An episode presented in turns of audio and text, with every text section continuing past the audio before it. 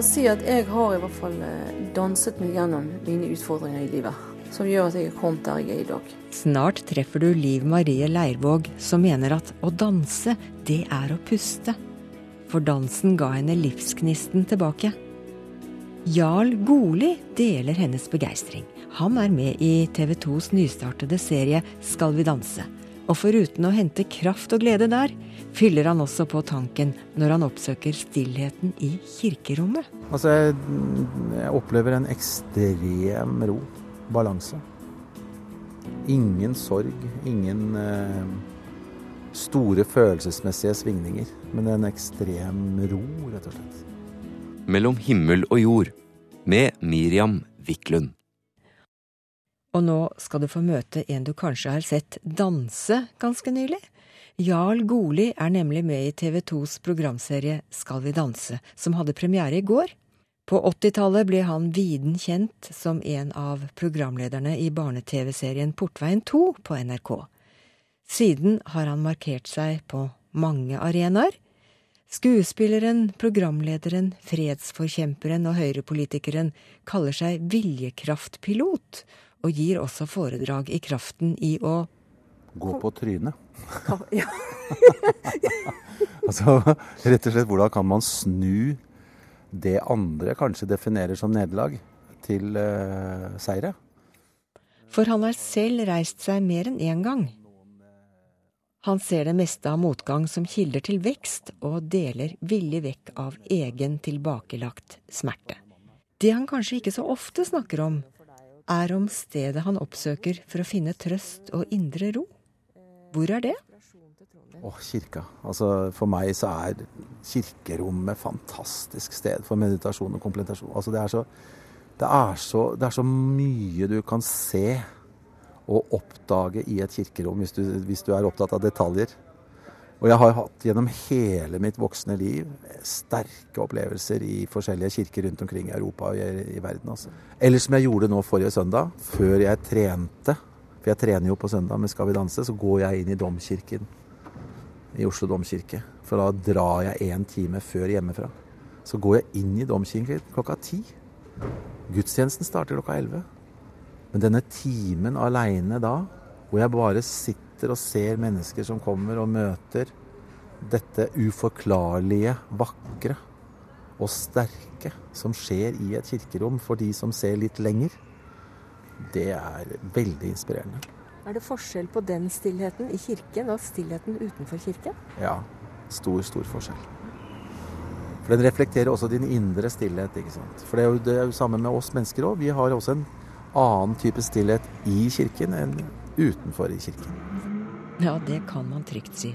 Her vi sitter, på hver vår pinnestol i en bakgate på Bislett i Oslo, er det i alle fall ikke stille. Jarl kommer rett fra en flere timer lang treningsøkt i Skal vi danse, så vi har lånt stolene fra en barbersalong i nærheten og satt oss til rette på fortauskanten i en gate vi håper skal være skjermet for den verste trafikkstøyen. I, i Domkirken i Tønsberg i 2003 da hadde jeg satt i gang reisen til Beslan fordi en barneskole ble bomba. Eh, barn døde.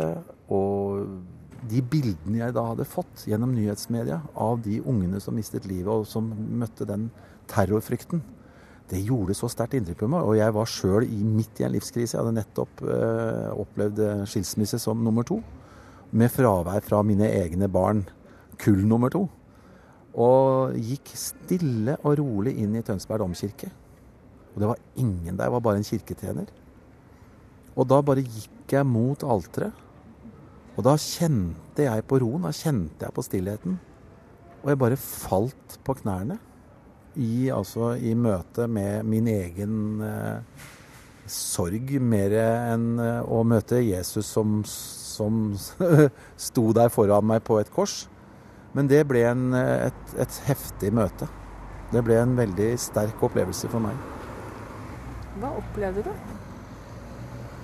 Altså, jeg, jeg opplever en ekstrem ro. Balanse. Ingen sorg, ingen eh, store følelsesmessige svingninger. Men en ekstrem ro, rett og slett. Akkurat som noen legger en hånd eller en Det er et eller annet som ja, balanse. Hvis du tenker en pendel eller en Ja, hvis man setter på en metronom, da. Så den, den slår jo at tikk. Så plutselig så står den stille. Og det var vel den roen jeg kjente da. Holdt den seg? Ja, den gjorde det, altså. Så jeg gikk jo derfra da. Jeg fikk jo på en måte noen bilder, da. Jeg vet ikke hvor personlig jeg skal være. Men du får, eh, du får altså Først, det jeg gjorde, det var vel bare at jeg fikk et bilde på noen som holdt rundt meg. Fikk en følelse av at noen holdt rundt deg? Ja. Var det, altså. Og det var ikke noe jeg så, det var bare en følelse. Og så fikk jeg en usigelig ro. Og så var det noe som, uten at det ble sagt, det var liksom den derre Det jeg nå var i ferd med å gjøre, det var litt viktig. Jeg fikk et bilde hva jeg skulle gjøre, der og da. Og det var å invitere, inviter. La folk komme hit. Fra alle religioner. La alle komme hit. Om de er muslimer, om de er kristne eller om de er ikke-troende. Så inviter de hit til fredsnatt. For det fredsnatt, det kom til meg som et bilde. Og det gjorde jeg. Da tok jeg kontakt med, med, med kommunen, og så tok jeg kontakt med David Gjerp. Som jeg hadde da blitt kjent med tidligere gjennom en TV-serie jeg gjorde for TV Vestfold. Og de sa selvfølgelig skal vi være med å lage fredsnatt. Og sammen så løfta vi den ideen. Eh, og det ble 1000 mennesker som møttes da til ettertanke og gikk først inn i kirken. Og min datter fra det ekteskap nummer to sto på kjerketrappa sammen med en gutt fra et muslimsk miljø og tok imot oss alle sammen inn og førte oss inn til globen og tente lyset. Tente håpet. Tente nestekjærligheten og fremtidstroen på at uh, møtes vi i et rom på tvers av våre religiøse oppfatninger og fordommer, så kan bare det stille nærværet i Guds rom være nok til å bygge fred og forsoning. Og det var jo forsoning som er nåde, som er for meg det viktigste. Nåden i å tilgi. Nåde i å vise styrke er noe av det viktigste jeg kan bruke av sterke følelsesmessige uttrykk eller beskrivelser på min religiøsitet. Nåde. Det er det sterkeste ordet for meg. 14. august i år ble Jarl Goli tildelt Kulturbrobyggerprisen for å ha tatt initiativ til fredsnatten i Tønsberg domkirke, og også for andre frivillighetsprosjekter med innsamling av klær og penger til nødlidende barn i både Murmansk og Pakistan. I fjor tok han også initiativ til fakkeltog mot ekstremisme i Norge. Du hører på Mellom himmel og jord i NRK P1. Sommerferien er definitivt over, og snart er det kanskje høstferien som står for tur. Men hva gjør du når du er på ferietur og været ikke blir som man hadde planlagt? Da kan du for eksempel gjøre som vår reporter gjorde, dra til nærmeste museum og lære deg noe nytt.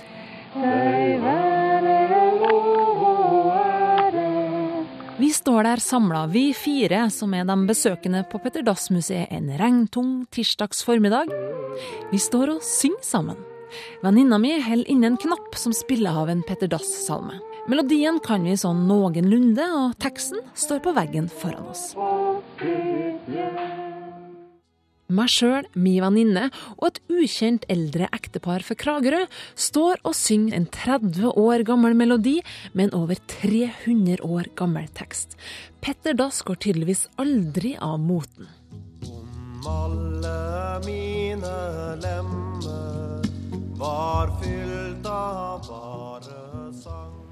Den storslagne arkitekturen som danner utsida, er spennende nok, den, men det virkelig interessante finner vi på innsida. Jeg lærer masse nytt. Visste du f.eks. at selveste kjendispresten Dass gjorde sin forlovede gravid før de var gift? Nei, jeg tror ikke det var så stor skandale. Den, at det har vært et sånn der eh, historie som har vært en, eh, heftene ved Peter Dass gjennom mange år, det tror jeg eh, er fordi at vi i ettertid fikk et mye snevrere syn på nettopp det fenomenet der. Ivar Roger Hansen er til vanlig museumsdirektør ved Petter Dass-museet, men for tida forsker han på ja, Du gjetter riktig Petter Dass, gjennom sin doktorgradsstilling ved Universitetet i Tromsø. Han forklarer meg hvordan det her lille svinet på skogen ikke sto særlig i veien for Petters karrierestige. For det første så var forlovelsen ble inngått med pressen til stede, og det var vitner, og det skulle undertegnes saker og ting. Så det var liksom en sånn her 80 eh, ekteskap. Det andre det var det at dette her var jo en situasjon som var så vanlig at den var ofra plass i Kristian 5.s lovverk. Ikke bare det at du kunne få barn utenfor ekteskap, men også når prester og lærere kom i en sånn situasjon. Og Det tilsier jo at dette ikke var uvanlig, for å si det sånn. Men han måtte nok skrive et brev til kongen og innrømme sin brøde og be om unnskyldning og om tilgivelse. Og så ble dette behandla administrativt. Og det tredje var at du fikk en tidsmessig utsettelse på mulighetene for å tiltre i stilling. da. Og det skjedde jo med Petter Dass. Han, han måtte jo vente i halvannet år da, før at han kunne få bli ordinert til prest. Som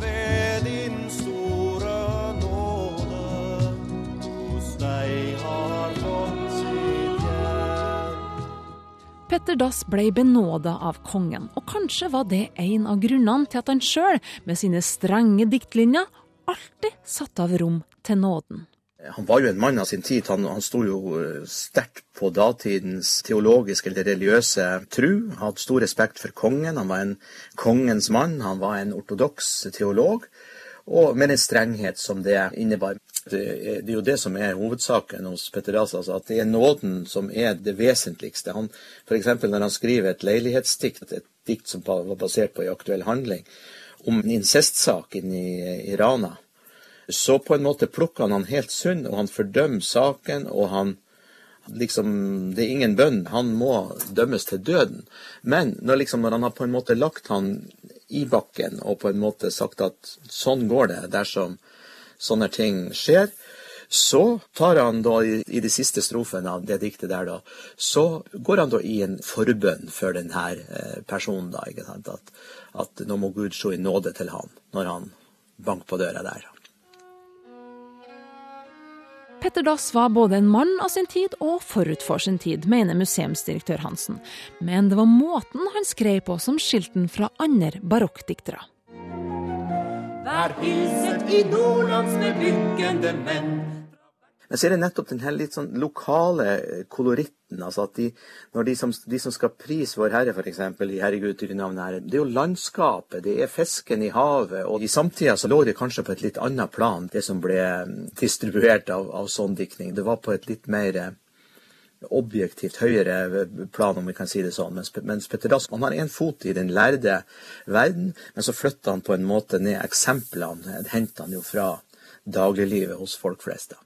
Og skulle du, Herre, forkorte din hand, at stenge skrei torsken og fisken fra land, da lagdes vi hastelig øde. Han henter sine eksempler fra, fra lokale sammenhenger og fra natur, naturfenomen og dagligliv, slik at folk får noe å henge det her på som de forstår. Hvis du da skulle ha sammenligna Petter Dass med en musiker som vi kjenner til i vår tid, altså sånn tekstmessig. Hvem, hvem syns du ligner litt på Petter Dass i måten på å skrive tekster på? Det, mange har, har, jo trekk av Petter Dass i siden, både Halvdan Sivertsen og Ole Paus for den saks skyld. Kjære Gud, vi blir så små, nu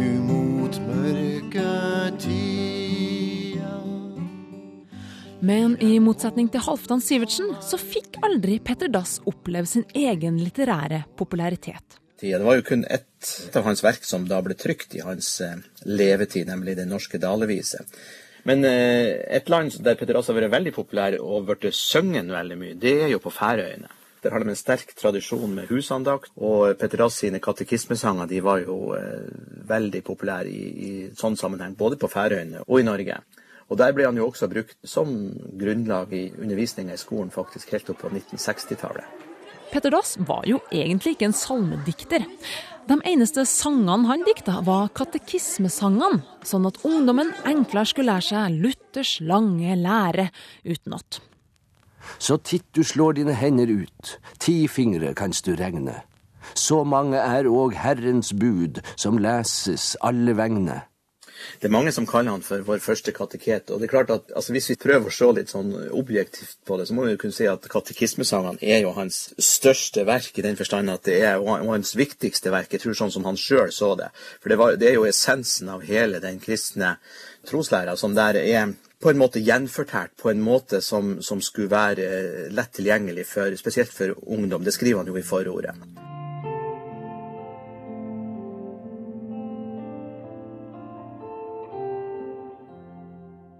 Med årene ble det konstruert flere og flere salmer av Petters diktning og gamle folketoner. Faktisk har de funnet hans tekster tonsatt av over 700 forskjellige folketoner rundt om i Norden.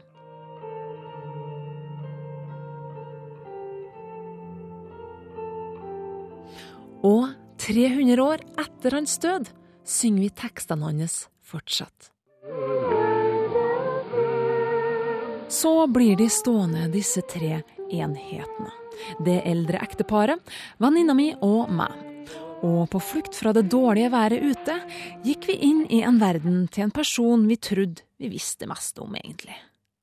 Det var reporter Kristin Norvoll som hadde vært på museum og både lært seg noen nye sanger og ny kunnskap om ærverdige Petter Dass.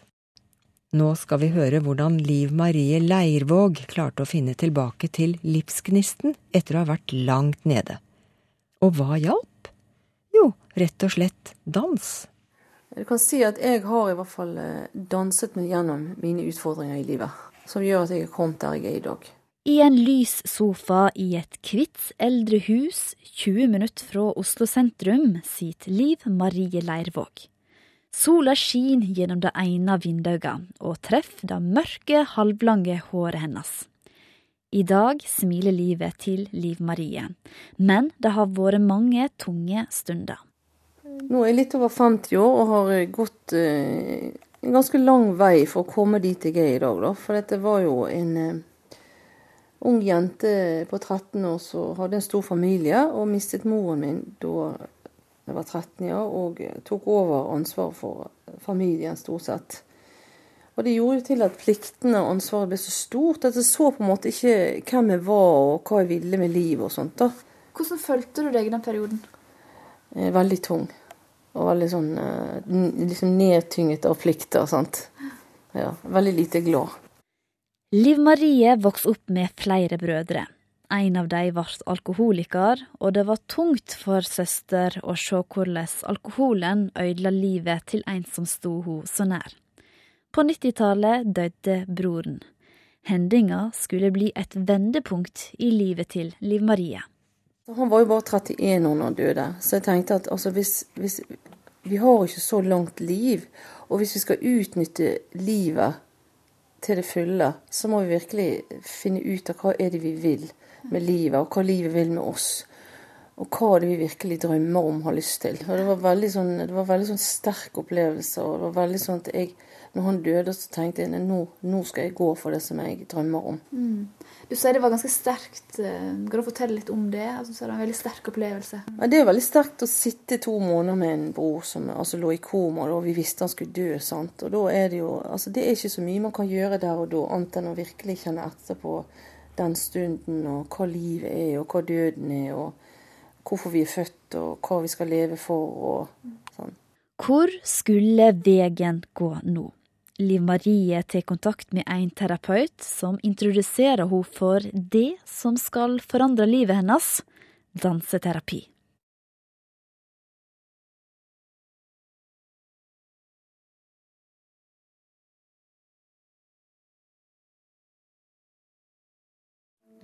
Kjenner myker jeg opp litt i ankelladdene. Snurrer litt på føttene mine.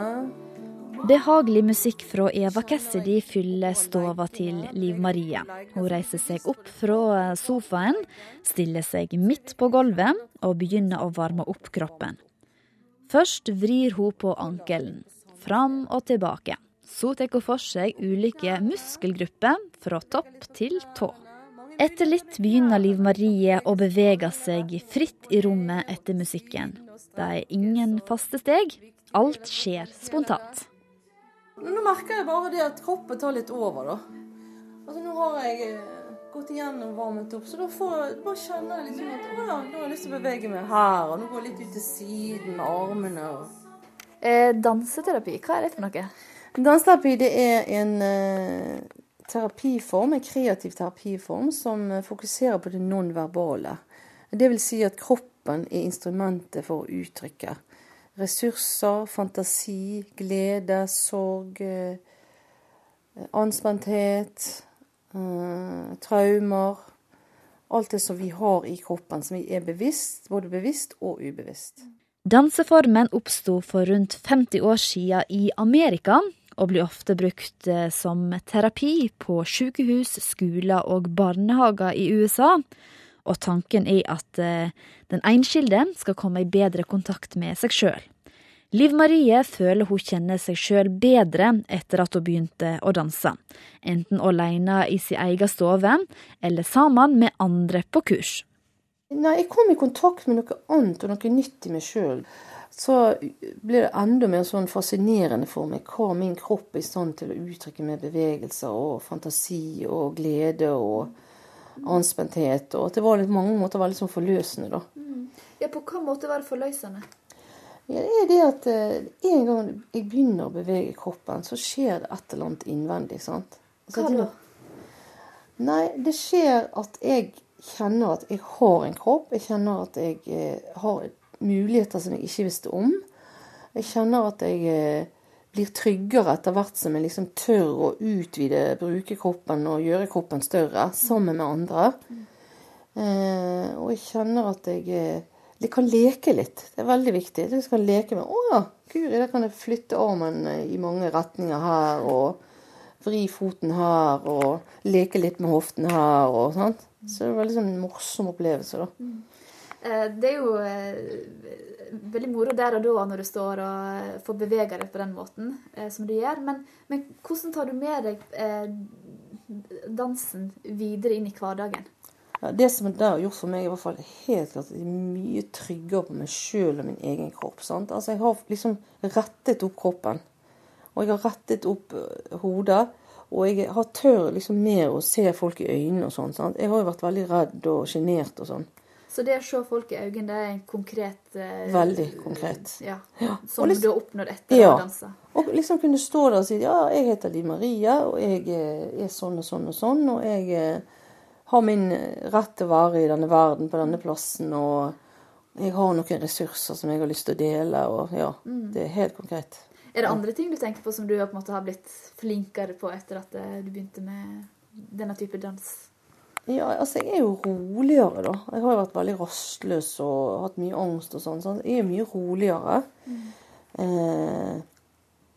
Jeg føler meg liksom sterkere i forhold til den jeg er, og det jeg har lyst til, og det jeg står for. Sant? Jeg stoler mer på min egen integritet. Og tør mer å si hvem jeg er, og kanskje litt på litt kontroversen, da. Men altså, det er veldig viktig for meg å være ærlig. Hva er det som skjer gjennom dans og bevegelse som kan ha en terapeutisk effekt? Kroppen vår er veldig viktig. Altså Det er der vi har Vi er fysiske, vi er emosjonelle, vi er mentale, sant? vi er sosiale. Og vi, vi, kan snakke, vi, kan gjerne snakke, om problemer, vi kan snakke om utfordringer. Men eh, da har vi bare brukt en liten del av kroppen. Eller ja, av hele oss. Så når du, vi jobber danseterapeutisk, så integrerer vi kroppen. Og det er der, der sitter minner, der sitter det fysiske, der sitter det emosjonelle. Sant? Og der sitter eh, kraften vår og det sårbare. Sant? Alt sitter i kroppen. Det kan ikke vi bare. Vi kan ikke bare ta, ta, det fra hodet. Og hvis vi skal på en måte kunne utvikle oss og transformere det, så må, må det gjennom kroppen. For at det skal bli eh, ja, for at vi kanskje skal gå et skritt videre nå sjøl, da. Ja. Så du ser på kroppen som et instrument? Veldig. Det er vårt instrument for å kunne uttrykke oss. Ja. Er du overraska sjøl over at uh, dette ble din måte å finne tilbake igjen til uh, livet ditt på? Ja, jeg er nok det. Hvorfor mm. er du overraska over det? Jeg hadde ikke, for det første hadde jeg aldri trodd jeg skulle komme så langt. At jeg skulle kunne klare å komme til skape et så godt liv som jeg har klart og at jeg føler meg såpass trygg. Jeg kommer jo aldri til å bli sånn. Altså, jeg er jo et sårbart og sterkt vesen. Men eh, jeg er overrasket over òg at jeg har klart å gjennomføre alt jeg har fått, klart å gjennomføre. Nei, for det var så tøft altså for 20 år siden. at altså det var så svart og tungt at jeg hadde aldri trodd at jeg skulle komme liksom gjennom Klare å danse meg gjennom alle de utfordringene. Mm. Det var en jente som var 16 år som drev og danset så mye. Hun sa at eh, å danse er å puste. Og det er omtrent det det er for meg. sant? Fordi at så viktig er det. Reporter Camilla Kjønn Tingvoll hadde snakket med Liv Marie Leirvåg, som til og med har tatt magistergrad i danseterapi i USA. Nå holder hun også kurs her hjemme i danseterapi.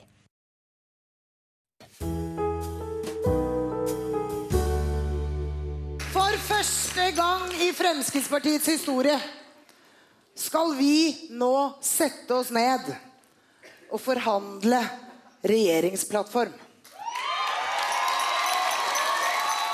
Kjenn på det. Det er mye ansvar i det, altså. Og vi har sagt i hele denne valgkampen at det er viktig for oss å få satt et ordentlig fotavtrykk på den plattformen. Denne uken gikk de borgerlige partiene av med seieren i årets valg, og her hører vi en forventningsfull Siv Jensen. Utover mandagskvelden kunne vi også se de andre borgerlige partilederne med et bredt smil om munnen.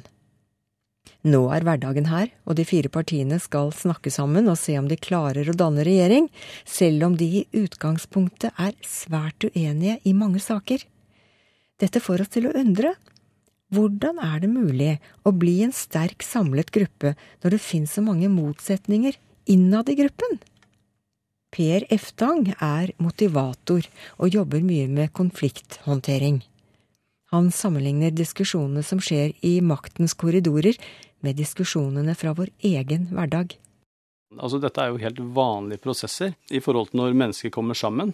Eh, men som jeg sier, forskjellen på det er jo at det, altså det er, prosessen er dekt av media. Alle har en, har en form for interesse av prosessen.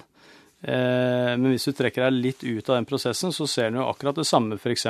I, i barneoppdragelsen, bl.a. Hvor, hvor går grensa for, eh, for, for, for, når skal du si fra til barnet ditt at sånn aksepterer vi ikke i forhold til handlinger og etikk og, oppdragelse.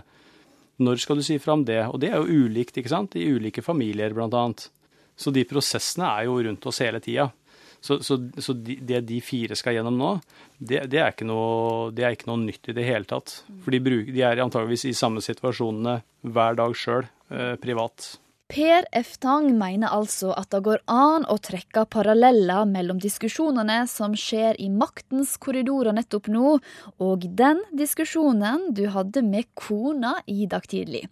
Men hvordan nærmer hverandre, sjøl om en er uenig? Det helt sentrale eh, negative som er lettest å gjøre noe med, som vil kunne ødelegge en sånn prosess, det er dersom individene som skal bygge det teamet, går inn med en tanke om at det er meg og mitt som er mye viktigere enn vi og vårt.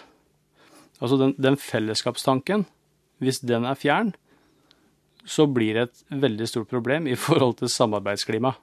En egoistisk tankegang fører altså ikke fram i en diskusjon, men det er jo lettere sagt enn gjort. Partiene har jo sine egne verdier, og ikke minst saker som de har lova velgerne å kjempe for med nebb og klør. Det er nok situasjoner som vil dukke opp i ethvert team, altså oppstart av et nytt team. Så, så vil du oppleve noen situasjoner hvor hvor verdigrunnlaget ditt, verdisynet ditt, eh, blir satt på prøve eller trua. Og, og det er nok noe av det største, største problemet som jeg eh, nok tror at de vil komme utenfor. F. Tang mener at partene må ha rom for å kunne tilpasse seg hverandre, men det er nettopp når grunnverdiene blir trua at det kan ende med brudd, noe som F. Tang òg mener er naturlig ja, ytterste konsekvens så blir det jo et veldig sterkt brudd i kommunikasjon der. Hvor man til slutt eh, blir så eh, påvirka av følelser at du, du, tenker at nei, dette her, dette her er bare helt uaktuelt mm. å gå videre på. Altså Det kommer helt an på hvilke situasjoner vi snakker om, men hvis vi snakker om, om de fire enhetene da, som skal bli til én, så, så, representerer jo de noe unikt hver for seg. Og det er de, når det unike som kjennetegner deg Altså, du, du, får ikke gjennomslag for det som er deg. Du må forandre på for, på for, for store ting. Så, så, blir jo spørsmålet er jeg villig til det, eller er jeg ikke villig til det. Det som også blir en eh, blir et, eh, Jeg vil jo kalle det problemer, da, for problemer det må du løse. Utfordringer det trenger du for så vidt ikke å løse. Det er jo at de har jo hver sin enhet har en del mennesker bak seg. Mm. Så du, du, kan bare, du, kan ikke bare, ta valget for din egen del, din egen overbevisning. Men du har jo en rekke mennesker som tror på akkurat det du har sagt. Og da, da må du på en måte kanskje gjennomføre akkurat det, da. Så det blir jo en, en, et problem i seg sjøl. For jeg kan godt tenke at ja, men dette går greit. Men så, det, så går det veldig på bekostning av det du tidligere har sagt og solgt inn som et budskap som andre tror godt på. Men du som kan med dette med kommunikasjon, det å faktisk eh, si at det, nå er grensa nådd, er det greit å si, eller har en da tapt alt? Nei, oss, oss, det er ikke noe feil i å si at nå er grensa nådd, eh, og begrunne hvorfor. Fordi at da setter jo, setter jo de andre også i et valg. Hvis du sier at eh, nei, dette eh, er helt uaktuelt, dette aksepterer jeg ikke, og, og så sier jeg at da blir konsekvensen sånn, så har du på en måte stilt et ultimatum eh, som du nødvendigvis også må følge, men det gir også de andre grunn til å forstå hvorfor dette er viktig for deg, og hva konsekvensen av det er. Så det betyr at eh, da kan det også hende at du får gjennomslag for det du ønsker å ha, fordi at du ser at det er viktig. Men det å sette fram sånne ultimatum i hytt og, og gevær, det, det, blir jo feil. Eh, så det må være enkelte saker som er ekstremt viktige. Reporter Camilla Kjønn Tingvoll hadde snakket med Per Eftang, som er motivator. Han jobber også mye med konflikthåndtering i hverdagen. Og det blir slutten på dagens Mellom himmel og jord. Jeg minner om at vi alltid er takknemlige for kommentarer og innspill. E-postadressen er himmel og jord i ett ord, krøllalfa nrk.no. Hvis du foretrekker posten, så er adressen Mellom himmel og jord, NRK 7005 Trondheim.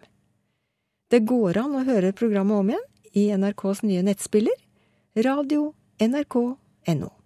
Du kan også laste programmet ned som podkast. Jeg heter Miriam Wiklund. Ha en herlig søndag med eller uten radio på øret. Mellom himmel og jord. Søndager klokka ti.